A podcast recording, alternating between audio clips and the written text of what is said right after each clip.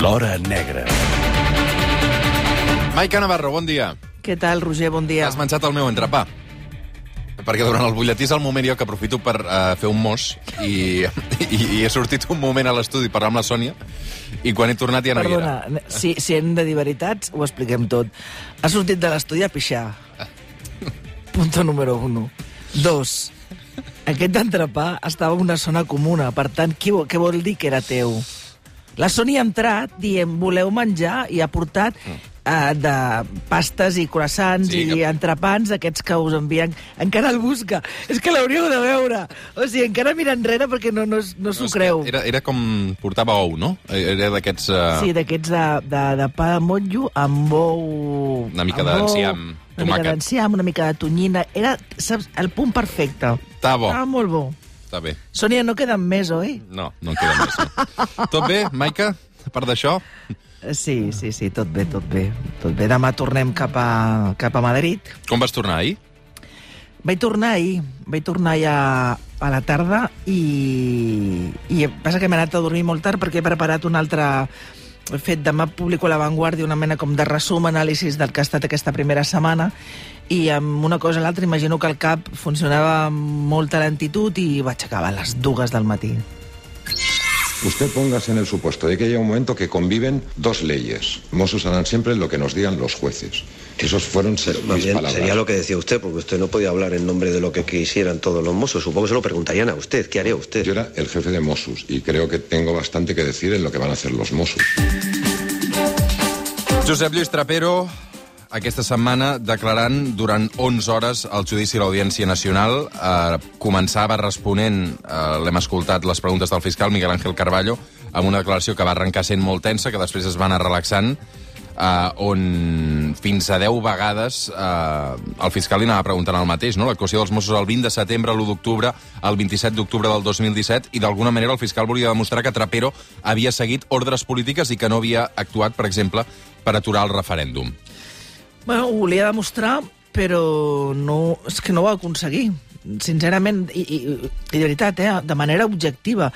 No és una sensació de la Maica Navarro per una proximitat potser afectiva amb el, amb el declarant, és que tots els que hi érem allà eh, ho, vam, ho vam, vam fer el mateix diagnòstic. De fet, hi ha un company que ja, en el, quan cobreixes aquest, aquesta mena de judicis tens dues opcions, o eh, com a periodista estar dins la sala eh, que en aquest no, no pots fer servir el telèfon mòbil o estar amb la sala de, de premsa amb la resta de companys. Doncs bé, dins la sala que tens doncs, visió directa amb, amb, tots els, amb tots els protagonismes, jo tenia al costat, el, entre d'altres, el, Pedro Ordat, el Pablo Ordat de, del País. Doncs era l'endemà, a l'acabar aquestes vuit hores intenses, duríssimes, de, del tinent fiscal Miguel Ángel Carballo, a la seva crònica del País de l'endemà hi havia un moment que, que explicava que, que el tenent fiscal havia fracassat perquè vuit hores després de preguntar, repreguntar, intentant trobar una sola contradicció, eh, va fracassar. No va aconseguir ni un titular i es va donar per... Bueno, això és una lluita i algú que guanya. I, evidentment, va, va guanyar el Josep Lluís perquè és que no sortia. El to, del, que- el to del fiscal era normal? S'utilitza aquest to, no? Perquè era molt dur, no? jo és una cosa de les que vaig preguntar, perquè a, la, a diferència segurament d'altres companys, eh, no he assistit a tants judicis a, a l'Audiència Nacional, però m'explicaven que bueno, cada, cada fiscal té una estratègia, té un caràcter, té una manera de... una estratègia i, i un caràcter i una manera de preguntar. I és veritat que l'altre fiscal, el segon fiscal que hi ha, el Rovira, és, té unes altres formes i en aquest cas el tinent fiscal, el Miguel Ángel Carballo, doncs era, eren preguntes, eh, eren preguntes trampes, que és una estratègia, és a dir, feia un enunciat molt complicat que gairebé hi havia un moment que semblava més que un interrogatori, semblava una conversa en què ell feia una reflexió i el Josep Lluís Trapero li feia la seva i bé, la presidenta del tribunal va considerar que ja li estava bé, ja li estava bé demanar impressions, situació, i no, i no aturava. La, la defensa del, del major, l'Olga Tubó, va considerar que el major s'estava defensant prou bé i per tant tampoc va demanar, va demanar aturar-ho. Però és veritat que la seva estratègia era tornar, o sigui, feia preguntes i sempre tornava la mateixa, i s'enredava. I jo recordo que amb el tema del, del, del cordó del 20 de setembre, no sé, vam comptabilitzar 20 vegades que d'una manera o altra li feia la mateixa pregunta i la resposta sempre la mateixa. També buscava una certa provocació, però segurament ell coneix perfectament el trapero, el va, inter el va interrogar amb la fase d'instrucció, ha, ha llegit, li han explicat... I sap també que és una persona temperamental, segurament. Sap que és una persona temperamental, sap que és una persona on podia punxar i fer-ho saltar, i no va aconseguir. Més interrogatori, parlant sobre els fets del 20 de setembre davant la seu d'Economia. Trapero. Porque él me llama airado y yo le digo, tú a mí no me vas a decir cómo hay que hacer un dispositivo y le cuelgo el teléfono. El señor Sánchez puede hacer y pensar lo que él quiera. Otra cosa es, señor Sánchez ni es quien, ni él, ni nadie para decirle a la policía cómo hace las cosas.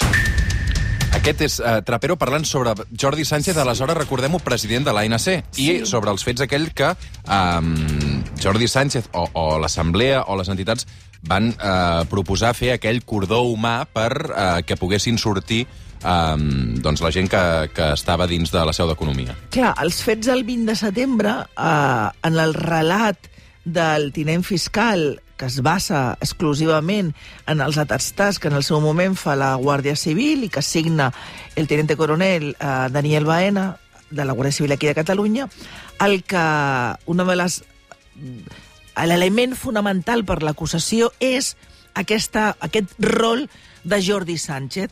Rol de Jordi Sánchez que a l'acusació dona com, com director d'allò que els Mossos havien de fer aquell 20 de setembre per impedir, segons ells, l'actuació la, de la comitiva judicial dins de la conselleria. I el major el que explica amb aquesta contundència i, el, i, el, i els que el coneixem i els periodistes aquí a Catalunya l'hem sentit i, i, aquest, i aquesta manera d'explicar-ho amb aquest temperament i amb, amb aquest to que, que li respon sense... Clar, allà, vuit hores després, eh, i quan et demanen 11 anys, la teva actitud doncs ell és, escolta, amb contundència. No, no, és que a mi, jo el que li vaig dir és tu a mi no me tienes que decir cómo tengo que hacer yo un dispositivo policial. I és que això és trapero, perquè li deia al Jordi Sánchez i li deia a qui ell considerava que no era ningú per dir com havia de fer un dispositiu policial aquell 20 de setembre.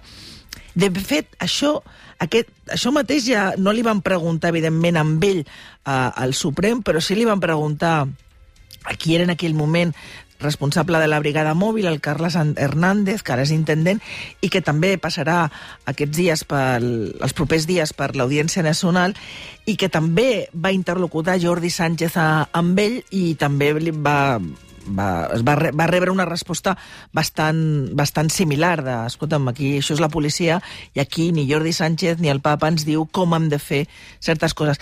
Però, a més a més, hi ha una cosa molt important.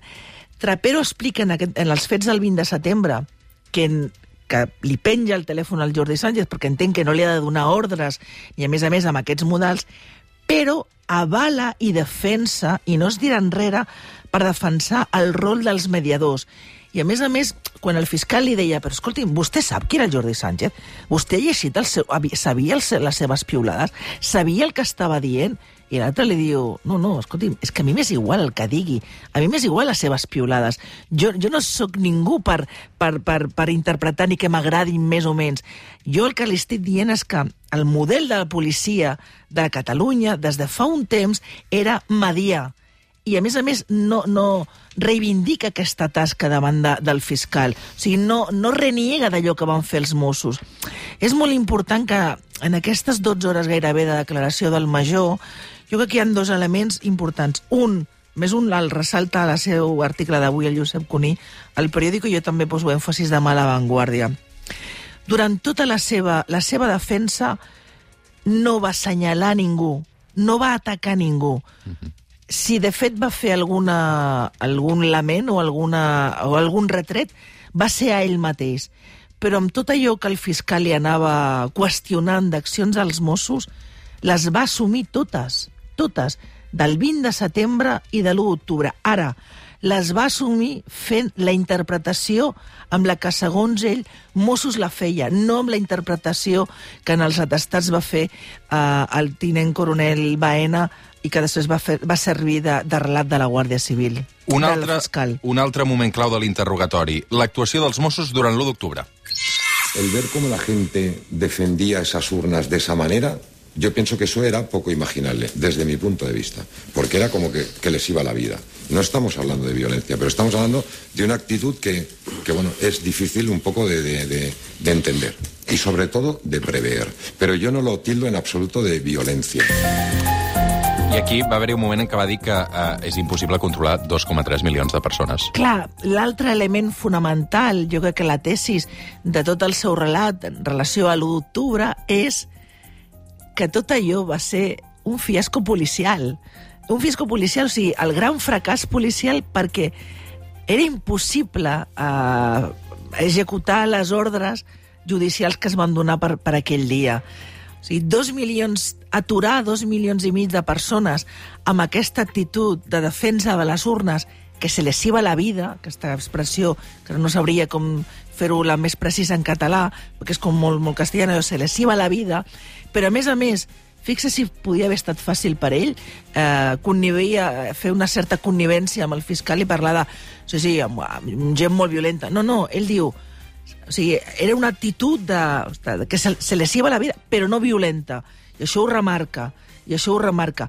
Però no aprofita per assenyalar la feina que va fer Policia Nacional i la Guàrdia Civil. Quan era un, que- quan era un, uh, ja un dic- dispositiu compartit, no? que ja et dic que la, que la seva opinió la té, i la té ell, i la té tots els comandaments de Mossos. Però no, no era una qüestió d'opinar ni senyalar ningú. Ell defensa el que va fer, la, el que va fer els seus. I el que diu és, escolta'm, és que aquesta ordre judicial era impossible de portar a terme amb eh, els 16.000, amb, amb, amb el, número, el nombre de policies que hi havien. És que ni amb tota la policia... Sí, és, que, és que era impossible. O sigui, perquè és una qüestió purament matemàtica. Si fas divisions d'aquestes persones amb el número de policies, guàrdies civils i Mossos d'Esquadra, ficant fins i tot, si vols, el suport de, la, de les policies locals que no es van tenir en compte, és que era, era impossible. I, per tant, això va ser un gran fracàs policial. La gran pregunta és, davant d'aquest gran fracàs policial, només som responsables Mossos d'Esquadra? No, perquè era un dispositiu conjunt. Bueno, és el que també intenta va intentar deixar clar en, aquesta, en, en aquestes 12 hores. I això serà molt important el que va ser la setmana passada, perquè això era un dispositiu conjunt de dos, tres, que una hora abans de l'obertura dels, dels centres electorals se'n van a la merda. Una cosa nova que vam aprendre també a través d'aquest interrogatori eh, a Trapero sobre la detenció del govern de la Generalitat en cas que fos necessari. Ja s'havia eh, havia explicat ja al Suprem Trapero que eh, ell estava eh, disposat, hi havia aquest pla per detenir tot el govern de la Generalitat. El que no sabíem és que el mateix Trapero s'havia ofert per detenir Puigdemont. Una de las cosas que puse encima de la mesa es, bueno, el presidente en primer lugar. Y les pregunté, ¿entendéis que lo razonable es que lo detenga yo? Soy el máximo jefe del cuerpo, por tanto parecía lo lógico. Y los dos en eso me dijeron que no les parecía bien, que yo me quedase negada, que entendían que era mejor. Això també és molt... Aquesta escena que es produeix a... Pensa que, que tots aquests dies hi havia... El, el major tenia el despa, un, un despatx a Gara, eh, que és el que ara ocupa el, el comissari Seient, i al costat del seu despatx hi ha com una sala amb una taula una taula ovalada i gran i allà es va constituir una mena com de, de, de reunió de comandaments que van estar 24 hores allò activats, o sigui, anaven, s'anaven succeint. Ell allà era la, era una, no era una, convocava una reunió, era una reunió constant, saps? Aleshores, allà aquesta, aquesta escena eh, reflexa molt bé quan ell explica també que les decisions no són uni, laterals de Josep Lluís Trapero. O sigui, aquesta imatge que a vegades, i segurament els mitjans de comunicació, hem contribuït erròniament a dibuixar-li de un home que ho decidia tot i tenia, era todopoderoso Trapero, no.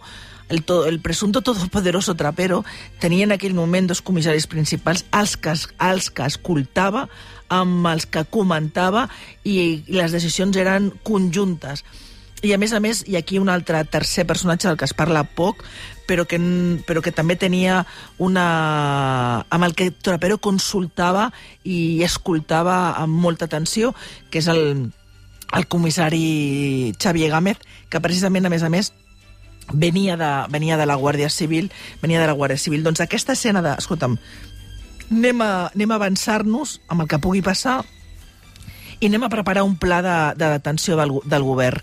I ell planteja, escolta'm, sóc el màxim responsable del cos, us sembla bé que sigui jo qui ha de detenir el, el president de la Generalitat?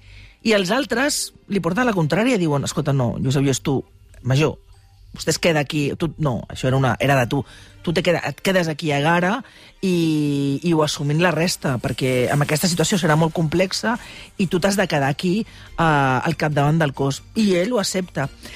És veritat que el fiscal ha volgut posar en dubte que això fos, que això estigués preparat, ha insinuat que això del pla de tenir a Puigdemont i a tot el govern va ser una mena de conill blanc que es va treure Trapero de la xistera a la seva declaració en el Suprem. Però, clar, el, el fiscal el que no ha volgut tenir en compte és un email que el propi Josep Lluís Trapero fa al, amb aquest comissari, que et dic que és molt important, el, el Xavier Gámez, dient-li, escolta'm, uh, prepa que preparim, mana, o sigui, ordena que preparim aquest dispositiu amb la detenció, i el Gámez fa aquesta, aquesta petició per escrita, uh, demanant, a més a més, que es tinguin en compte tots els, tots els mitjans materials que seran presos i un detall molt important, que a més a més això sí que està documentat en paper, i és que davant la possibilitat de que l'operació de detencions provoqués eh, protestes i que la gent anés cap al Parlament per protegir el, el govern, doncs la possibilitat de treure els detinguts del Parlament amb, amb helicòpter i aleshores un dels dos helicòpters de Mossos va estar eh, reservat i, en, i en, pre, en estat d'allò activat però, però no, es va, no, no va volar per lo que pogués passar i perquè aquest hagués estat un, un servei prioritari.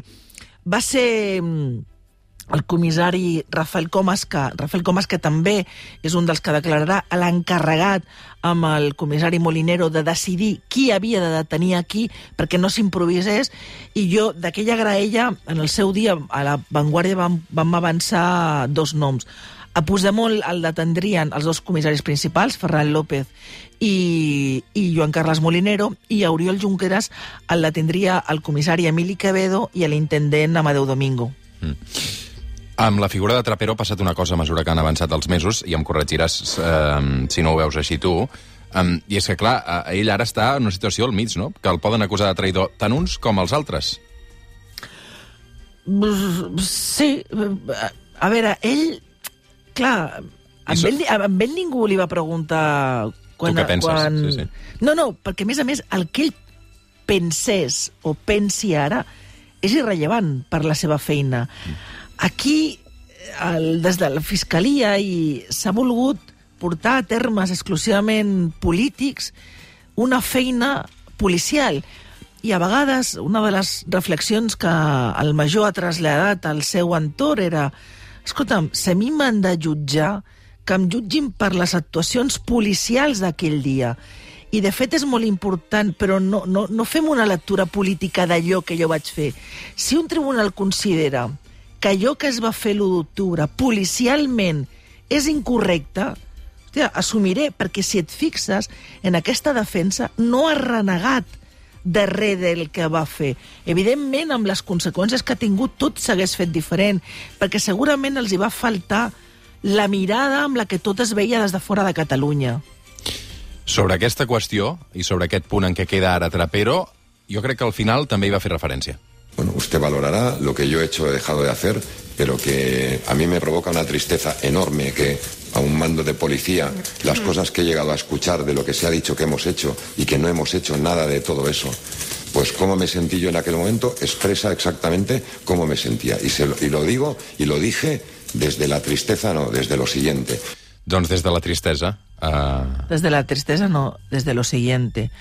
Um, aquesta setmana què hi ha de passar en aquesta Audiència Nacional? Diego Pérez de los Cobos, no? per cert, després d'aquesta frase, la, la, la presidenta va, anar, gaire- va fer recés perquè tots els que estàvem a l'interior eh, pensaven que, que l'home que alguns hem, han volgut dibuixar com a l'home de ferro que no, és, que no és precisament home de, home de ferro, sinó que fa és un supervivent i un lluitador per la seva veritat, que és la veritat del cos de Mossos d'Esquadra, gairebé va estar a punt de, de trencar-se emocionalment perquè, perquè tot allò que ell ha patit i que està patint era duríssim, precisament per això, per de tot allò que se'ls va arribar a acusar i que ells mai van voler replicar i es va eh, co- consensuar que no hi havia resposta. Molt, durant aquests 22 mesos, molts Mossos d'Esquadra amb els que jo interlocuto perquè per la meva feina, una de les coses que sempre retreien era per què no ens hem defensat? Per què no hem sortit mai a dir que això era mentira? Per què? Perquè hem hagut de sentir que érem uns traïdors, que fèiem que no fèiem, que era la policia política i ningú ha sortit a donar la cara. Bé, perquè es considerava que allà on s'havia d'explicar era on s'està fent aquests dies. Uh, aquesta setmana és molt, molt important, molt important perquè dilluns comencem, comença la declaració de Diego Pérez de los Cobos, coronel de la Guàrdia Civil, actualment responsable de, de la Guàrdia Civil a, a Madrid, i en aquell moment designat pel govern central per coordinar, ser el coordinador de tot l'operatiu policial que havia de frenar el, a l'1 d'octubre. Un coronel de los Cobos que va ser duríssim amb els Mossos d'Esquadra El a la seva declaració al Suprem i que després de la, de la interrogatori que faci el fiscal és molt probable que sigui el tinent fiscal Miguel Ángel Carballo qui, li, qui assumeixi el rol de, de, de, de preguntar eh, arribarà el gran moment, jo crec que d'aquest judici, un dels grans moments d'aquest judici de l'Olga Tobau que haurà de, a veure, amb aquest, eh, com, que, que haurà d'interrogar-li. Interrogar-lo, sí, sí. I després Ferran López el, amb un paper que el, el, el Quico Sayés, aquests dies que el tenia molt a prop a l'audiència, em deia el, algú hauria de... M'encantaria escriure les, les memòries de, del Ferran López, perquè és un personatge uh, fascinant i molt injustament tractat en, aquí, a Catalunya, en aquest país, quan va assumir les rendes del cos uh, després del 155, però que algun dia haurà s'haurà d'explicar tot el que va evitar amb la seva, amb la seva tasca. Maica Navarro, És que moltes... vostès han de saber que estic moltes parlant gràcies. i tinc un tio que m'està fent amb les mans calla, calla, calla, calla, tinc el tricicle calla. aquí fora. Uh, Hola. mira, tinc bueno, el, però, mi, el, bueno, el Carles escolteu, Sanz, el Paco Mir i el Joan cafè, Gràcia. Aneu a fer un cafè, home. Mira, estan demanant entrar. Tinc el, mira, entreu, entreu. No, la coneixeu, la Maica? Sí, sí que em coneixen, perquè a més a més tenim A veuràs. amb el... Aquest, aquest, aquest, aquest croissant me'l puc Teni- emportar o no? Tenim amics comuns, oi? Aquest, aquest croissant me'l puc, me'l puc emportar o no? Sí, Seieu, seieu, robar. seieu, seieu, seieu, seieu. La coneixeu o no? Sí. Sí, tots la tres? coneixem, la Tots- llegim, tots tres? l'admirem. Ah, Tinc amb un ell amic tenim meu que una, està amb ell tenim un amic comú. Ultra enamorat de tu. I té nòvia? I té nòvia? No, però això Ostres! no, és un home que està al mercat, Hòstia, això m'interessa molt, eh? atractiu. Però t'ho Bueno, dic jo de marxo i veritat, us deixo eh? aquí una estona, eh? Fins I d'aquí un amb rato. ell vaig coincidir una vegada amb un hotel. Amb un, Amb un hotel? Sí. Home, espera't que torno. Amb un hotel que era vegetarià i ell volia menjar car. Ah. Te'n recordes? No. És l'únic hotel que necessitaria aquí.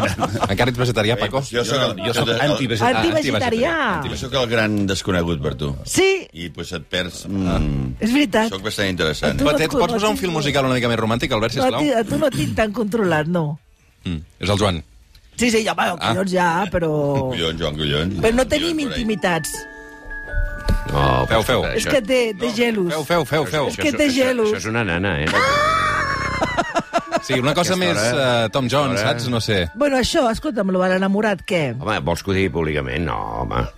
No, no, no, no, però, diré, diré. però Sí, sí, després... sí, sí, no, no, acabo de parlar amb obert. ell i em Sí, sí. Estamos en el aire, que tenim, diuen. Amb aquest, Hola, que tenim, hola, mama. amb aquest que tenim en comú, Sí. aquest que tenim en comú, ah, ja li diràs. Els has anat a veure al Coliseu, meu, o no?